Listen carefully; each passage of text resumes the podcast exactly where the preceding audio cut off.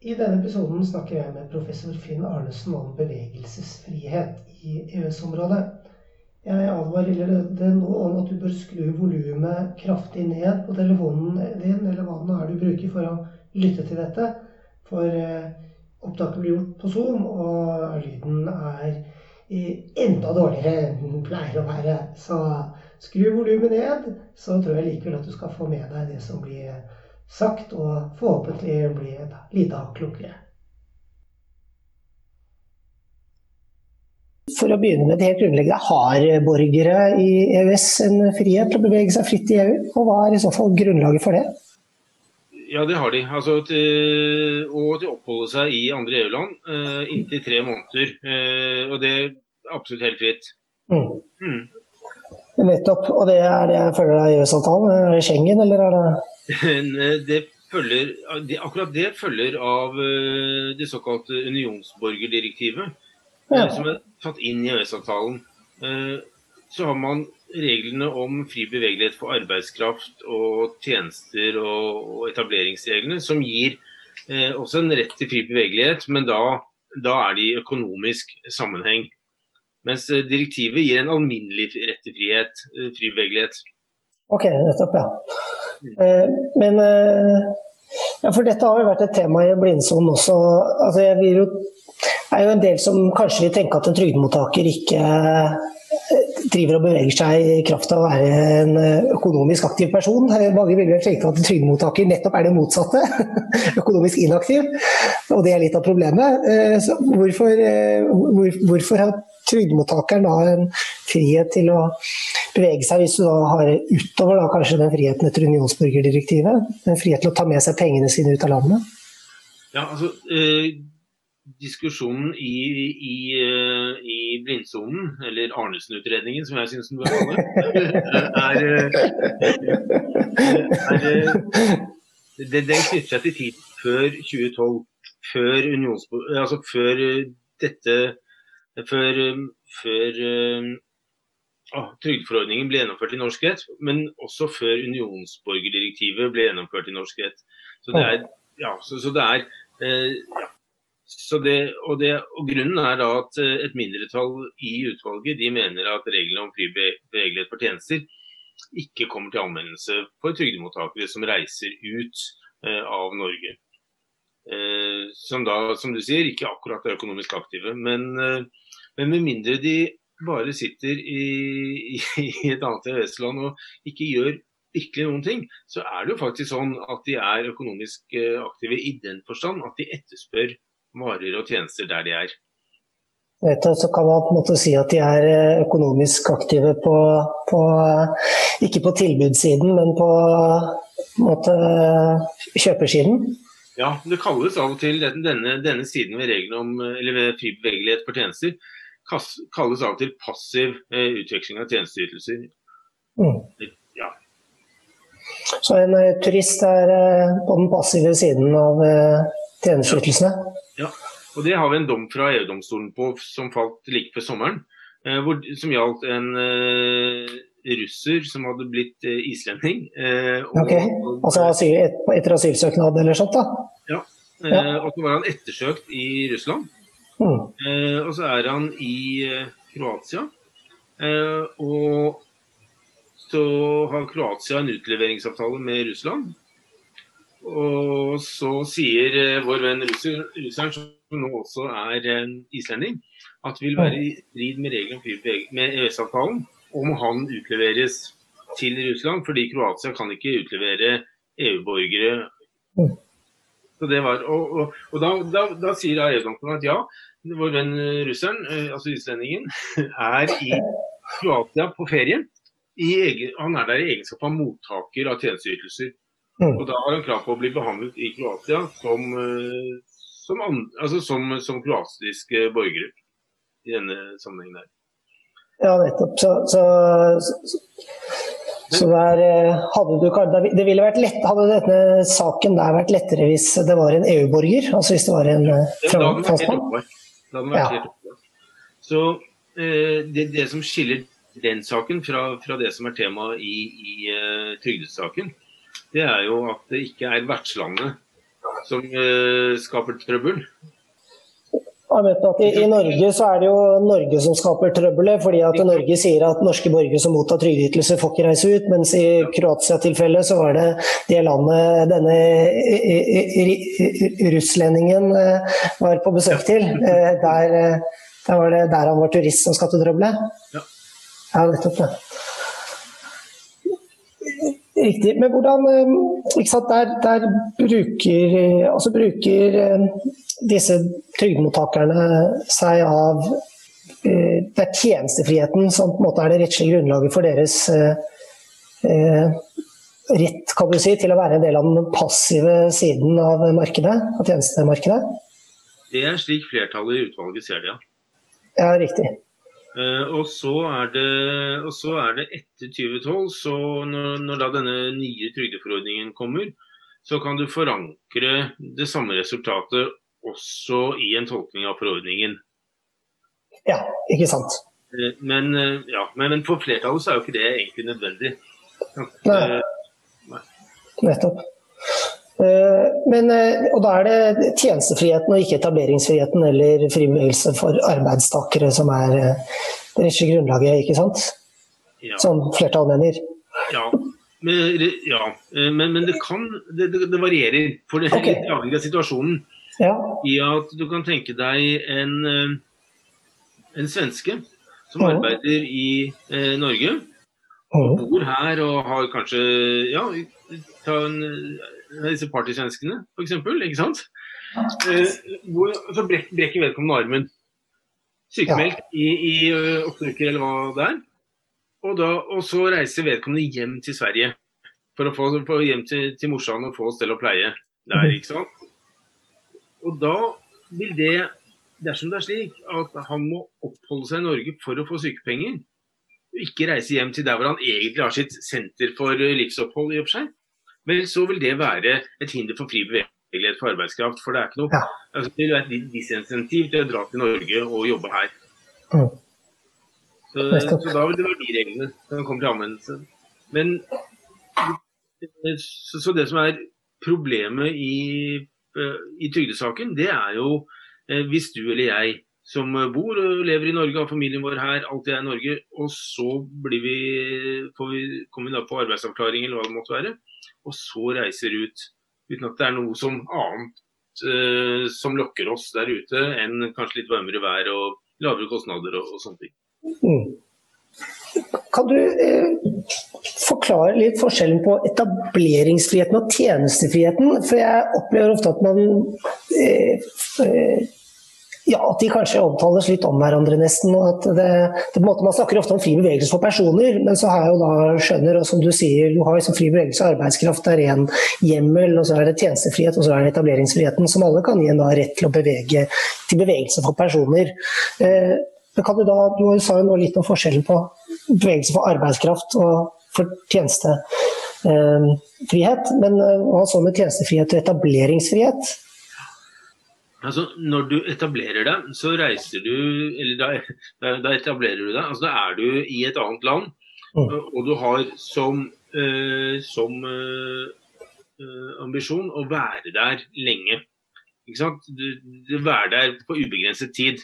Eh, og det skiller uh, etableringssituasjonene uh, fra tjenestesituasjonene. Mm. Så for de tjenestesituasjonene, da er du der i, i, et annet land enn der du er hjemmehørende. Midlertidig. Mm. Men mellom dette så er det jo, er det jo veldig, veldig mye gråsoner. Du kan tenke deg den danske snekkeren som kommer til Norge for å etablere seg her. Eh, altså for å drive teknikkvirksomhet her. Og så, etablere næringsvirksomhet, ikke etablere familie, liksom? Eller kanskje ja, begge deler? men, men, men, i hvert fall. Eh, og, så, og, så, går det ikke, så han reiser hjem til Danmark igjen etter tre måneder. Men han har likevel vært etablert i Norge, for det var ambisjonen. Han var ikke altså han var her, Så det er den. Men så har du uh, utenlandske entreprenørselskaper som jo bygger noe, sånne veier og greier hos oss. Mm. De er jo her med folka sine kan være her i årevis. Men det er også et tidsbegrenset, så de er mm. her som tjenesteytere. Forskjellen mellom det der altså, spiller ikke noen egentlig rolle i praksis, fordi reglene er så like. Ja, altså, eh, så Hvis man da skulle lagt restriksjoner på etableringsfriheten eller på tjenestefriheten, så eh, har det da noe å si eh, egentlig om restriksjonen rammer etableringsfriheten eller tjenestefriheten? Kan nok gjøre, operere med litt eh, strengere restriksjoner, vil jeg tro, i etableringstilfellene. For det er noe ja. at vel, du, har, du, kommer til Norge da, hvis det er her, og du har som, som, ambisjon å være her over tid, at du da må faktisk finne deg i noe, kanskje noe mer formalia en del andre ting enn det du gjør dersom du bare er inne for en kortere periode for å yte en tjeneste. Ja, nettopp. Men dette er helt, helt hårfine grenser her. Altså. Ja, ikke sant. Så, så, om jeg vil starte juridisk rådgivning på Costa del Sol i Spania, så er det ikke sånn at jeg Da, da bryter jeg med etableringsfriheten hvis jeg etablerer et kontor der og næringsvirksomhet der nede, mens tjenestefriheten hvis jeg bare sitter her i Oslo og deler, deler av min, min enorme juridiske kilde på spansk, f.eks. leierett. Og. Og i den grad jeg møter motstand fra spanske myndigheter, så, så har det egentlig ikke, antagelig ikke så mye å si da, eh, om, om, motstanden. Om jeg sitter her eller der, antagelig. Mm. Nei, Rett bortsett fra at det kan være at, de vil ha, at du har en eller annen form altså Hvis du har som ambisjon å betjene det spanske markedet, at du har en eller annen form for representasjon eller representant der nede som uh, spanske myndigheter kan forholde seg til når det gjelder uh, kan være skatteting, det kan være Advokatsamfunnet, Advokatforeningen, sånne ting. Ja, ikke sant. Er det noen uh, flere sider ved etableringsfriheten, tjenestefriheten og fri bevegelse for arbeidskraft som du synes at det er viktig at man husker, ha, husker på å ha med seg når man skal liksom friske litt opp igjen dette temaet? Ja, Det aller viktigste tenker jeg er at i dag eh, så er veldig mye av EU-domstolens praksis knyttet til regler om fri bevegelighet for tjenester og regler om etableringsrett kodifisert kan vi godt si, mm. gjennom tjenestedirektivet. Som da er gjennomført i norsk rett med tjenesteloven. For det Direktivet handler ikke bare om uh, tjenestefrihet, men også om etableringsrett. Uh, så det er viktig. Direktivet gjelder for så vidt ikke noe annet uh, gjelder altså, for så vidt ikke det finnes noen andre direktiver som regulerer akkurat den type etablering eller den næringsgrenen eh, det er snakk om. Eh, og så er det en del unntak i direktivet for vektervirksomhet og diverse. Men, eh, men, men, jeg, men tjenestedirektivet er, eh, og, og da tjenesteloven er en, veldig godt inntak til hva egentlig tjenestereglene og etableringsreglene innebærer for, eh, for, for norske myndigheter. Og Det som er veldig interessant der, det er jo at de sier f.eks. at retten til å utøve en næring, altså adgang til å utøve en næring, økonomisk aktivitet, kan ikke gjøres betinget av offentlig tillatelse, altså konsesjon, med mm. mindre det er eh, konsesjonskravet er nødvendig for å ivareta ikke-økonomiske hensyn. Ja.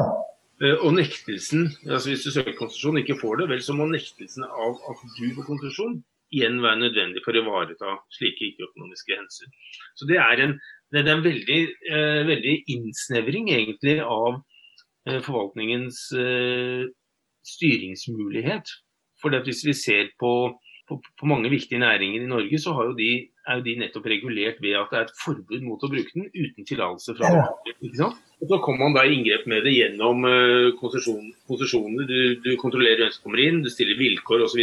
Den muligheten er mye mer begrenset uh, etter tjenestedirektivet og, og, i og for seg etter etableringsreglene også. Mm. Har eh, domstolene, altså EFTA-domstolen og, og EU-domstolen, har de vært eh, du kan si, foretatt en intens juridisk prøving av disse forholdsmessighetsvurderingene og sånt for konsesjon, eller har de av uvisste grunner hatt en mer sånn ja, tilbakeholden rolle? De ikke altså de går ikke tungt inn og vurderer om i dette konkrete tilfellet eh, man skulle hatt tillatelse eh, eller ikke, men, men, de er ganske tunge på labben når det gjelder hvorvidt det er vurdert ja. på en riktig måte. Eh, og du har jo du har det samme på varesiden også. Altså at det at du må ha tillatelse av myndighetene for å markedsføre, altså for å selge en vare. Eh, litt, altså, få en vare ut på mark norske markedet, det er en hindring for frie varebevegelser. Som da må begrunnes. Ja. Det så vi i denne eh, cornflakes-saken for en del år siden. Hvor, hvor, hvor, da norske myndigheter nekta å markedsført cornflakes fordi det var jernberiket og, og noe sånt. Hvor da, da EFTA-domstolen går tungt inn og sier, spør liksom jaha, denne, denne, denne, denne tillatelsesordningen, er den nødvendig for å ivareta eh, ikke-økonomiske hensyn og sånn? Og er den konkrete nektelsen nødvendig for å ivareta? Nei, men eh, kanskje vi er eh, Jeg ga deg jo én mulighet til å legge til eh, noen ting du måtte mener at man måtte ha med seg. Og du brakte opp tjenestedirektivet, som var et godt innspill. Jeg kan jo stille samme spørsmål en gang til. Er det noe annet du mener at det er viktig at de har med seg, og jeg har med meg, og lytterne har med seg, når de skal eh, friske opp sin kunnskap om eh, tjenestefriheten og etableringsfriheten og fri bevegelse på arbeidskraft? Ja, Det andre er jo unionsborgerdirektivet. Eh, direktiv 2004-38 er det vel. Eh, fordi og det, det, det, vi ser, er jo at både unionsborgerdirektivet og tjenestedirektivet det er en kodifisering av rettspraksis knyttet til, knyttet til de alminnelige bestemmelsene om fri bevegelighet. Sånn at det er jo, Jeg pleier å si til studentene at både tjenestedirektivet og unionsborgerdirektivet er eh, autoriserte jukselapper på Ja, ikke sant. og de er kanskje ikke bare jukselapper, kanskje de er der man rett og slett burde begynne, siden eh, det nettopp er mer detaljregulert og kodifisert der. Og så blir det vel bare kanskje mer unntaksvis at man da må spe på med etableringsretten og, og tjenestefriheten, altså de grunnleggende bestemmelsene i TFU eller da EØS-avtalen. Ja, ikke sant? og Det du peker på der, er jo et, et viktig metodisk poeng. at uh, at uh, det er alltid fornuftig å starte i direktivene uh, som gjelder dette her. Uh, samtidig som man må ta med seg at selv om noe er OK i forhold til direktivet, så kan det være at de alminnelige reglene slår inn og, og, og, og gjør at det ikke er OK likevel. Mm. Og Trygdesaken er et eksempel på det. ikke sant? Fordi at man mente at noe var OK etter forordningen. Det, det mener jo utvalget var en feiltolkning. Mm. Men, men, men var, man må, hadde ikke blikk for, eh, for, eh, de alminnelige bestemmelsene om fri bevegelighet i det hele tatt. Ja, og der blir det jo spennende å se hva EFTA-domstolen kommer med av uttalelser eh, på, på, de veldig mange spørsmålene fra Høyesterett i den saken, når den tid kommer. Ja, er, jeg tror det er 26.11. at de skal ha, ha muntlig forhandling. Eh, og Nå foreligger jo både Norges innlegg og innlegget fra EFTAs overvåkingsorgan og fra EU-kommisjonen. Oh. Og, og, Der tror jeg alle, alle, alle, vinklinger er dekket, tror jeg. ja, det var kanskje ikke så overraskende at uh, den norske stat uh, har, en, har, et syn som uh, er, er nærere å støtte den, norske ordningen slik den var, og at den burde vært tillatelig, mens eh, kommisjonen og ESA inntar en påte er kanskje mer på, på, linje med flertallet i, i utvalget. Ja. Ja, det var ikke overraskende, syns jeg, at, eh, at staten prosederer på mindretallets uh, standpunkt, og at uh, ESA og, og Europakommisjonen er mer på flertallet. Mm. Uh, det, er, det, var som forventet. Ja. ja, ja. Nei, men Det blir spennende å se hvordan det går. Jeg tenker vi eh, runder av der. Tusen takk for at du tok deg tid til å snakke med meg og for tilhørerne om eh, fri bevegelse av personer. Så ja, det ja. var bare hyggelig. Mm. Takk skal du ha. Takk skal du ha. Takk for at du har hørt på denne episoden av Senter for Europaretts podkast. Vi er i en startfase av dette podkastprosjektet, og vil gjerne høre fra deg om hva som funker godt, om noe, hva som funker dårlig, og hva du eventuelt vil høre mer om. Det er bare å sende en e-post til meg, Trygve Harlem Losnedal. Min e-postadresse er litt lang og kronglete, men du finner den på Senter for Europarets hjemmesider. Og dette er vår avslutningsjingle.